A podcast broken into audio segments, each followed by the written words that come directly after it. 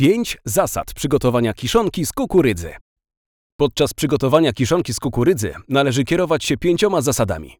Po pierwsze, wszystko zaczyna się od pola, tak więc najważniejszą rzeczą, którą należy się kierować, jest odpowiedni dobór stanowiska oraz wybór odpowiedniego materiału siewnego i jego FAO do panujących warunków klimatycznych w danym regionie.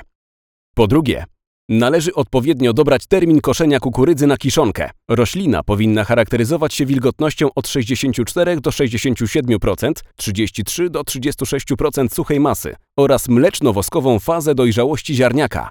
Po trzecie, większość gospodarstw nie posiada własnego sprzętu do zbioru kukurydzy, dlatego bardzo ważny jest dobór odpowiedniej firmy, która świadczy taką usługę. Przy wyborze należy kierować się nie tylko ceną usługi, ale także jej jakością oraz rzetelnością danego usługodawcy.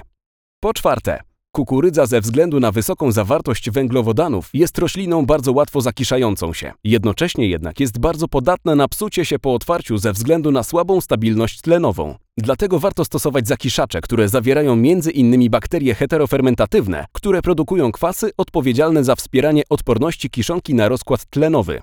Po piąte, Odpowiednie ubicie i szczelne okrycie są ostatnim etapem, na który trzeba w sposób szczególny zwrócić uwagę podczas sporządzania każdej kiszonki. Aby procesy fermentacji mlekowej zaszły tak jak należy, muszą być zapewnione warunki bezwzględnie beztlenowe. Dlatego podczas zapełniania silosa czy formowania pryzm należy sumiennie ugniatać każdą warstwę, natomiast do okrycia stosować odpowiedniej jakości folie odporne na działania UV i o odpowiedniej grubości. Najlepiej sprawdzają się dwie warstwy składające się z cienkiej, bezbarwnej folii podkładowej i głównej folii czarno-białej.